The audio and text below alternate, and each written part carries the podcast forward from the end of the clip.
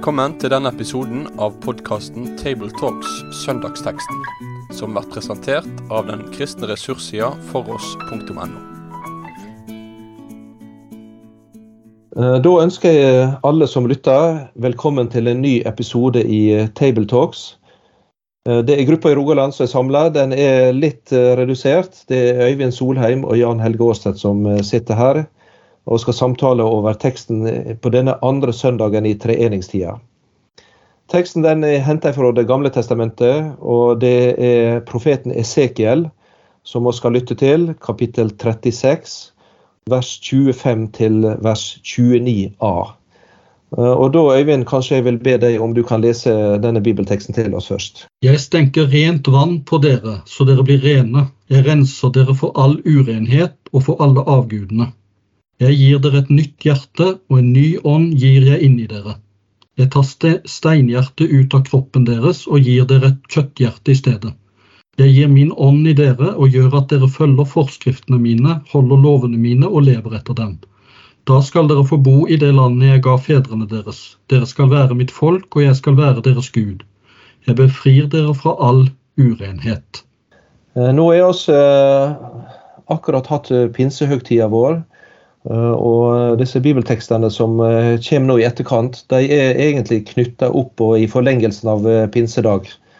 Og Det vil vi komme inn på i samtalen her også. Men det er ikke så ofte at tekster fra gamle testamentet blir satt opp som preiketekster, og her har vi en av dem. Kanskje nå, Øyvind, som en innledning, så kanskje må vi prøve å hjelpe hverandre i å plassere denne teksten. Hva er ramma omkring dette? Ja, altså her er vi jo rykket tilbake ca. 600 år før Kristus, eh, hvor eh, eh, israelsfolket etter å ha levd eh, som et splitta folk i lang tid, nå er i eksil i Babel. Eh, og Esekiel han er med folket i, i Babel her når han mottar disse ordene fra Herren, mens Jeremia så er samtidig, han er i Jerusalem og bl.a. skriver brev til folket i Babel.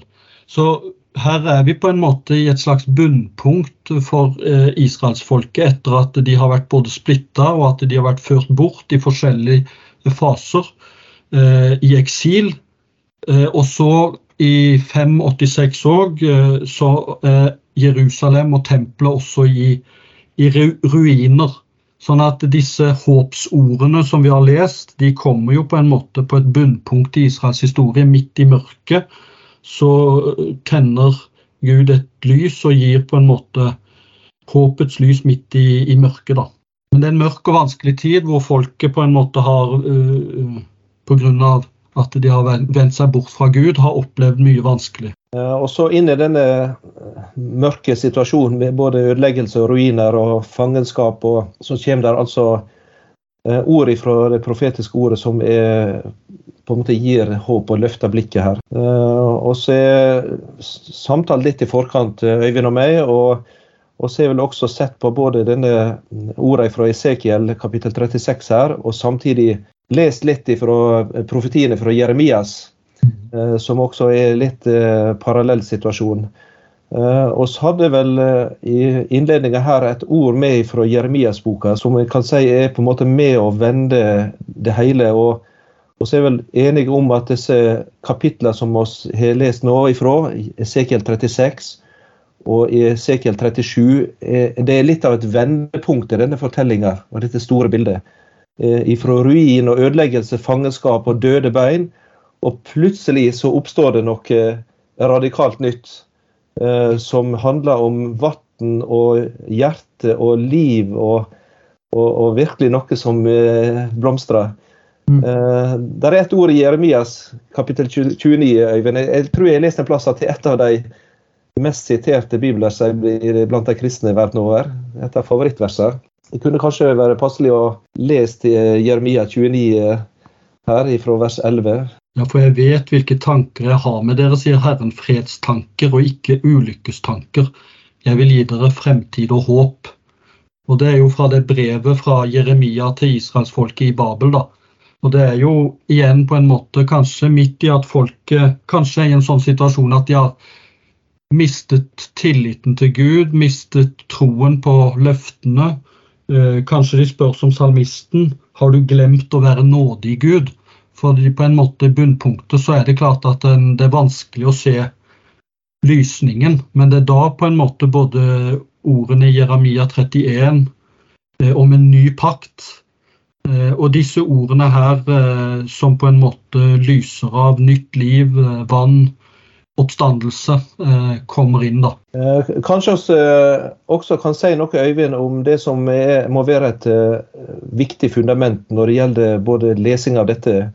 Og, Det handler om jeg kan godt si i grammatikken om subjektet.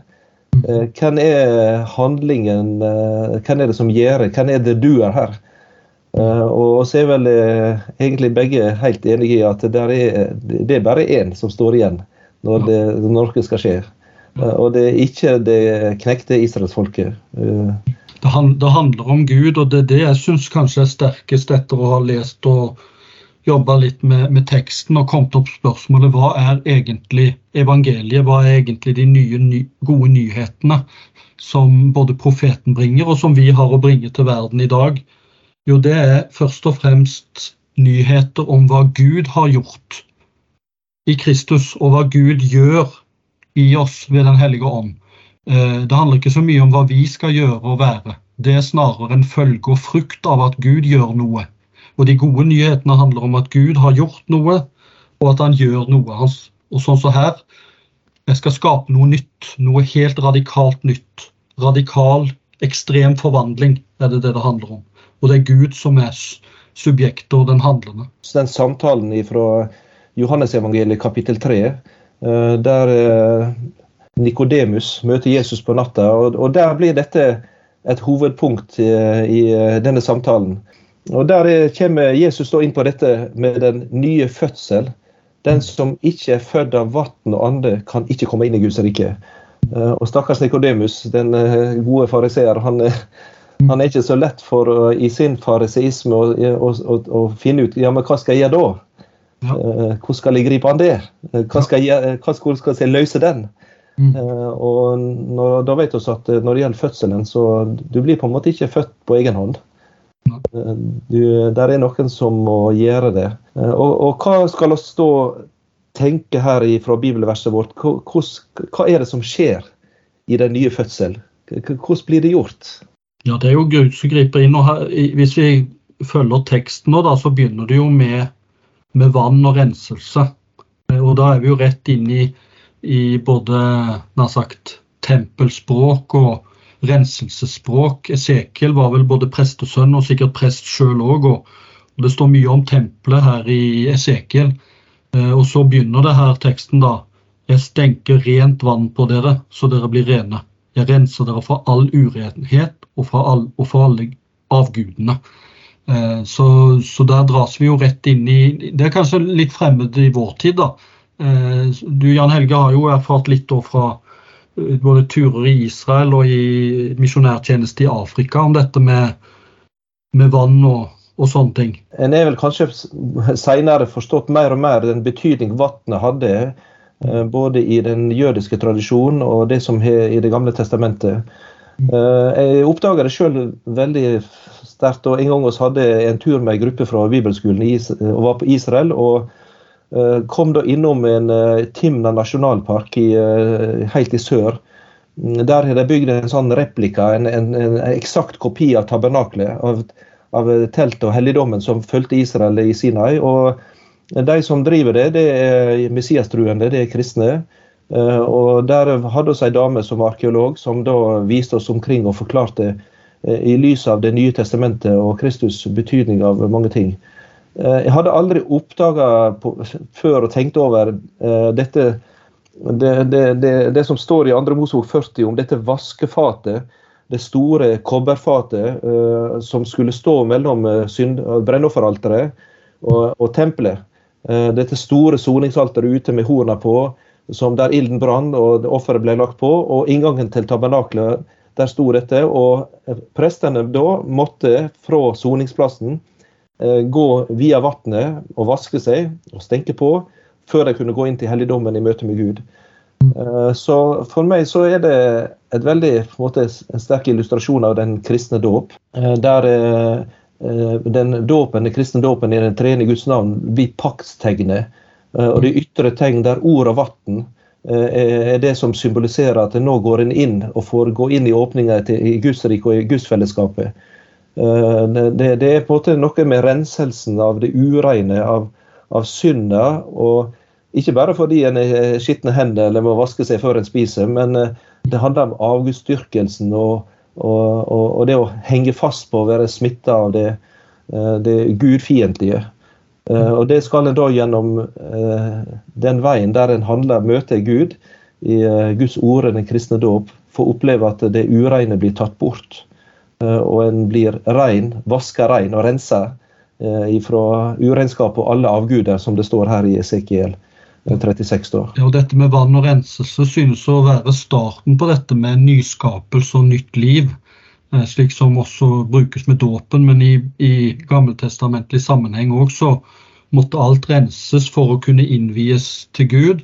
Men så har du også eh, at israelsfolket ble jo reddet ut av eh, slaveriet i Egypt gjennom sagt, dåpen i, i, i Rødehavet, gjennom så gjennom død til liv er nok det som også ligger i, i Romerbrevet 6, som Paulus snakker om. Eh, at dette med vann det handler både om renselse, men òg med at vann er uttrykk for på en måte også gjennom død til liv. At du står opp av vannet til, til li, nytt liv. Da. Petersbrevet bruker det som du nevner, og Paulus bruker også det når han skriver om dette dåpen med å, å dø og oppstå med Kristus. Mm. Eh, altså, og han skriver om det, det paktstegnet, altså eh, med Jesu omskjæring. Mm. Eh, så knytter han det til dåpen i Kolosserbrevet. Så det er, det er en veldig radikal og ny bruk av den gamle testamentlige altså paktshistorie, som mm. blir sett inn i et nytt lys i den nye pakt og den nye setting, der Kristus er sentrum, Eh, og der gudslivet blir det, det livet med Jesus knytta til eh, dåp og, og, og, trua på den korsfesta oppstanden. Eh, så det, det, er den nye pakts kjernetegn, på en måte, disse her. Kalt videre til at det må et helt nytt hjerte. Det er jo hjertetransplantasjon plutselig. Kanskje kan en oppleve i vår eh, tradisjon og i vår kultur at, liksom, at dette med dåpen, det ytre, vel, jeg, jeg er døpt. Mm. At det ytre blir liksom det som en eh, eh, på en måte klynger seg til. Men en ser her at når det gjelder dette med både med å bli stenka og rensa av vann, så er det øyeblikkelig snakk om det indre liv mm. og det hjertelivet som trenger å bli omskapt. Det er ikke bare en sånn ytre formalitet og et navn i ei kirkebok, men det er en indre forvandling. Og som Eh, på en måte avslører oss vårt behov som mennesker. Og jeg tror at det egentlig oss må si at dette handler om Bibelen sitt syn på oss. Det kristne menneskesynet. Som egentlig eh, sier noe om det hva vi egentlig har bruk for.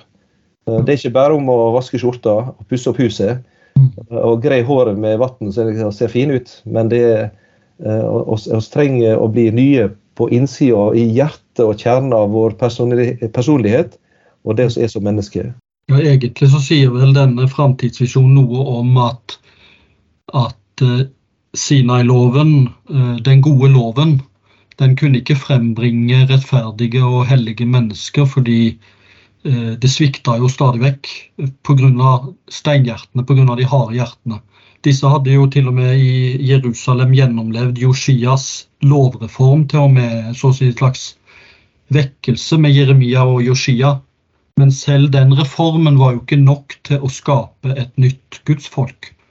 Og Derfor så på en måte må det skje noe radikalt eh, nytt. da. Sånn som Paulus også snakker om at det som var umulig for loven pga. kjøttet, det gjorde Gud da han sendte Jesus. Altså, egentlig så er ikke problemet loven. For den er jo god og hellig, og den skisserer det gode livet. Men menneskehjertet og, og, og, og synden, den eh, på en måte eh, torpederte prosjektet. da. Derfor så måtte det tas ut etter steinhjertet og settes inn et nytt kjøtthjerte. Der det handler om at fariseismen, eller at den krasjer i sitt fundament. For den hadde en klokketro på at den skulle makte og greie. Mm. Og en kan si I vår tid så er det den moderne humanisme ligger på samme målestokk. Homo mensura, menneske sentrum. Oss skal greie å være og bestemme hva som er rett og godt og sant og gyldig. Og lage vår verdiskala og tenke at da blir det livet godt å leve. Eh, så egentlig så er humanismen også eh, en, en veldig på en måte et, et, et, livssyn som står i sterk motsetning til det Bibelen her skisserer, som mm. veien for å, for å berge mennesket. Du kan jo ikke gi uh, råttent materiale til en uh, aldri så dyktig håndverker. Han vil ikke kunne lage noe ut av råttent materiale. Det er på en måte litt av tankegangen her. da, At det må noe radikalt nytt i menneskelivet. Og Det er derfor Jesus sier du må bli født på nytt. Da er det oss over i vers 26, da, i den uh, Ezekiel 36 her. Uh, hvordan skal det skje? Uh, og så har jeg allerede nevnt dette med at Gud sjøl vil stenke rent vann på og rense. Og så kommer det at Gud vil gå enda inn. Jeg kan vel godt si at det er som en, et inngrep her som er større enn noe hjertekirurgi. ja. det er, han vil gjøre et under som er ubegripelig stort ja. Eh, og skape noe eh, nytt eh, i innerste livet av menneskehjertet. Nytt hjerte og en ny ånd, det gjev jeg dykk. Og en ny ånd gjev jeg inni dykk. Og steinhjertet da, det skal tas ut av kroppen. Det, det, det er total makeover på et vis, er ikke det? det er jo det. Men når vi ser på en måte, når det kommer inn på det med 'jeg gir min ånd i dere', så skjønner vi jo mer og mer, og iallfall vi som ser det sagt, baklengs etter pinse. At det handler om det som skjer pinsedag og Den hellige ånds gave i den kristnes liv. Det er det det handler om. Det er jo ved Den hellige ånd at dette realiseres i våre liv. Det er Gud som, som ved sin hellige ånd skaper noe nytt i våre liv. Disse versene fra Jeremias 31, mm. vers 31-34, det er vers som blir sitert i Nytestamentet også, i Hebreerne kapittel 8. Eh, som også beskriver dette eh, nye hjertet og det nye sinnet. Eh, der er det knytta til at det skal bli gjort en ny pakt. En mm. ny avtale som er på en måte annerledes enn den gamle pakt og lovpakt som var gjort. Og Der står det at i Jeremias 31 vers 33 at jeg skal legge min lov i sinnet deres og skrive i hjertet deres og jeg skal være deres Gud, og de skal være mitt folk. Eh, det vil si at det skal bli noe radikalt nytt lagt inn i menneskelivet og hjertet. Eh, et nytt innhold og et nytt fokus, kan en vel egentlig si. Et nytt liv. Ja, og Det er vel det lengste sitatet fra Det gamle testamentet, det som står i Hebreerne 8, og, og på en måte tydeliggjør noe om eh, forskjellen med den gamle pakt og den nye pakt. Og at den når en forstår det rett, den første pakt er foreldet, som hebreerbrevets forfatter snakker om. Og at den nye pakt eh, som nå er kommet inn eh, med Jesu Kristi døde oppstandelse og åndens utgytelse pinsedag. Når Jesus innstifta nattværen, så snakket han jo om, eh, når han løftet begeret, vinbegeret, at dette er den nye eh, pakt i mitt blod. Eh, Sånn at uh, det er noe radikalt nytt som er skjedd uh, nå.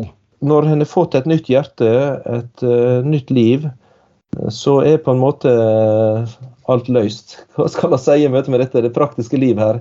Ja, Hvis en umiddelbart bare hører akkurat det vi har lest i dagens tekst, så kan en jo få inntrykk av at, at da kommer vi til å følge forskriftene og holde lovene og leve etter dem. Punktum. Da er liksom alt såre vel.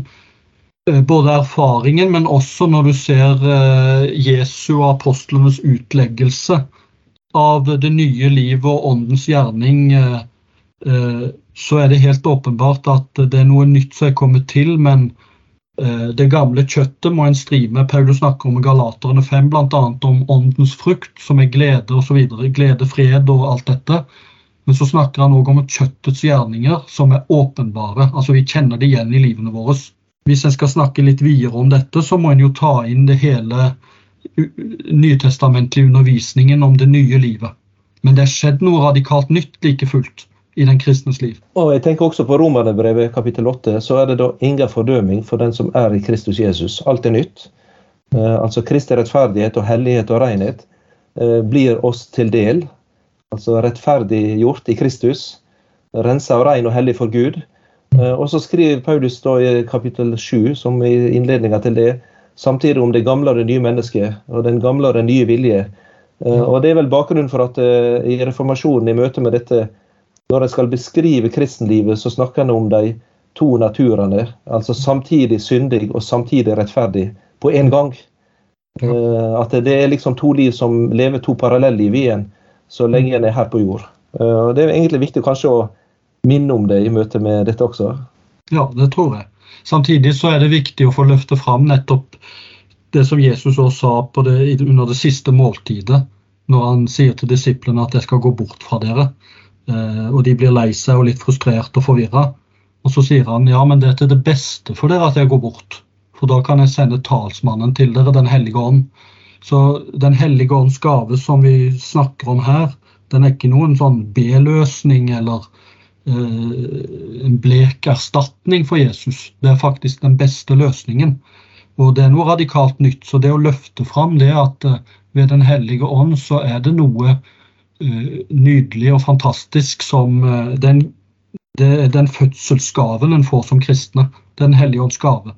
Og han er der både som trøster, hjelper. Han omtales også som barnekårets ånd, som gjør at vi roper 'Abba, far'. Han lærer oss til å tillitsfull vende oss til Gud som en far. Han er den som herliggjør Jesus for oss, osv. Så videre.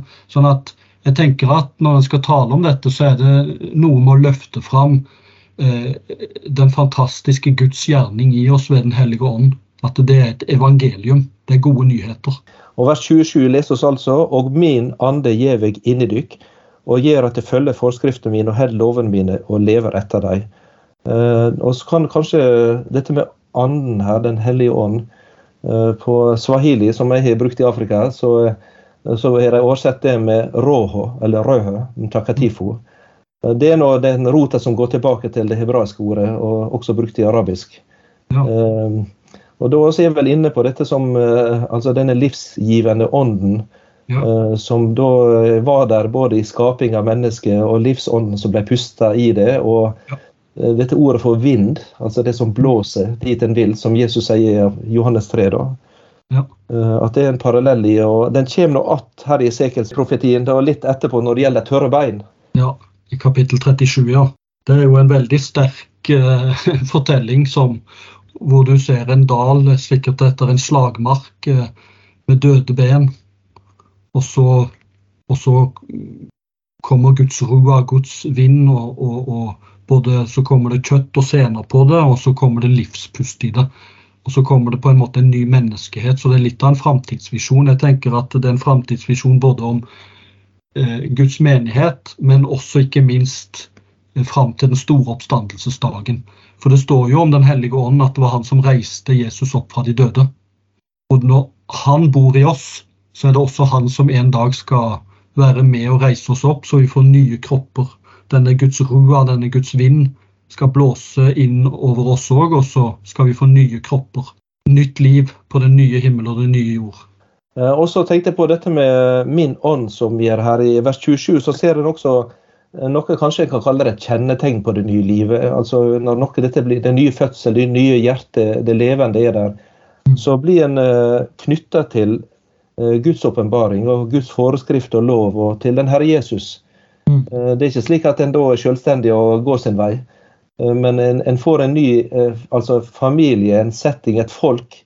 En tilhøring der en blir knytta sammen og er, er, er fokusert på. Ja. og i Jeremia 21 så er det også et eh, ord om dette at eh, det, så det skal være mitt folk, og jeg gir dem ett hjerte og én vei for at de skal alltid frykte meg. Altså Det skal være en, en ny, født inn i en ny setting og en ny familie som skal, som skal prege oss. Mm. Eh, jeg vet ikke om det er noe som en også trenger å minnes om i en uh, utleggelse av dette? Ja, at en knyttes til et fellesskap, ja. Det blir en ny menneskehet. en nytt, og, og Jesus snakker jo om at ånden er som en vind. altså du, du kan ikke si hvor den er og hvor den går, men du vil merke noe av virkningen av den. Eh, en som er født av ånden, vil på en måte ha noe som nye ting som er blitt viktige. Eh, og da vil også eh, medkristne Bibel og andre ting plutselig være viktig som før på en måte var, var helt uviktig. Og Det som er nevnt her, dette med altså Guds foreskrifter og lovene, det er nå en gudsåpenbaring i, i, i, sin generelle og, og, jeg tenker også at det nye liv da, altså, som blir født, det vil, det vil, bli, eh, vil glede seg over Guds ord og søke dit. Se Se når en skal lytte til Guds stemme eller, eller høre hva Guds vilje er, så vil en gå til åpenbaringsordet til eh, Bibelen Eh, og søke svar og veiledning og hjelp i det som Gud har åpenbart for oss. Eh, og ikke på egen hånd eller snu det ryggen. Det er egentlig en umulig tanke. Ja, og Paulus han har det jo ganske instruktivt i Kolosserbrevet og Efeserbrevet, hvor han snakker om de kristne som deler eh, Guds ord med hverandre med salmer og åndelige viser osv. Det ene stedet så sier han la dere ikke bli fulle av vin, men bli fylt av ånden, eller drikk dypt av ånden. Mens det andre stedet, Kolosserbrevet, så sier han la Kristi ord bo rikelig blant dere. Så det er på en måte Paulus snakker om det samme. Det er litt sånn som Jesus selv sier at Den hellige ånd han skal ta av mitt og gi til dere. Så, så, så det å, å, å, bli fylt av ånden, det er å bli fylt av Kristi ord og Kristi mentalitet. Så det henger nøye sammen. Når vi går mot en avslutning her, så eh, de siste versene så ser vi også at eh, profetordet som vi ser her, i Det gamle testamentet som, eh, som, eh, talte om det som skulle komme, den har på en måte flere lag i seg.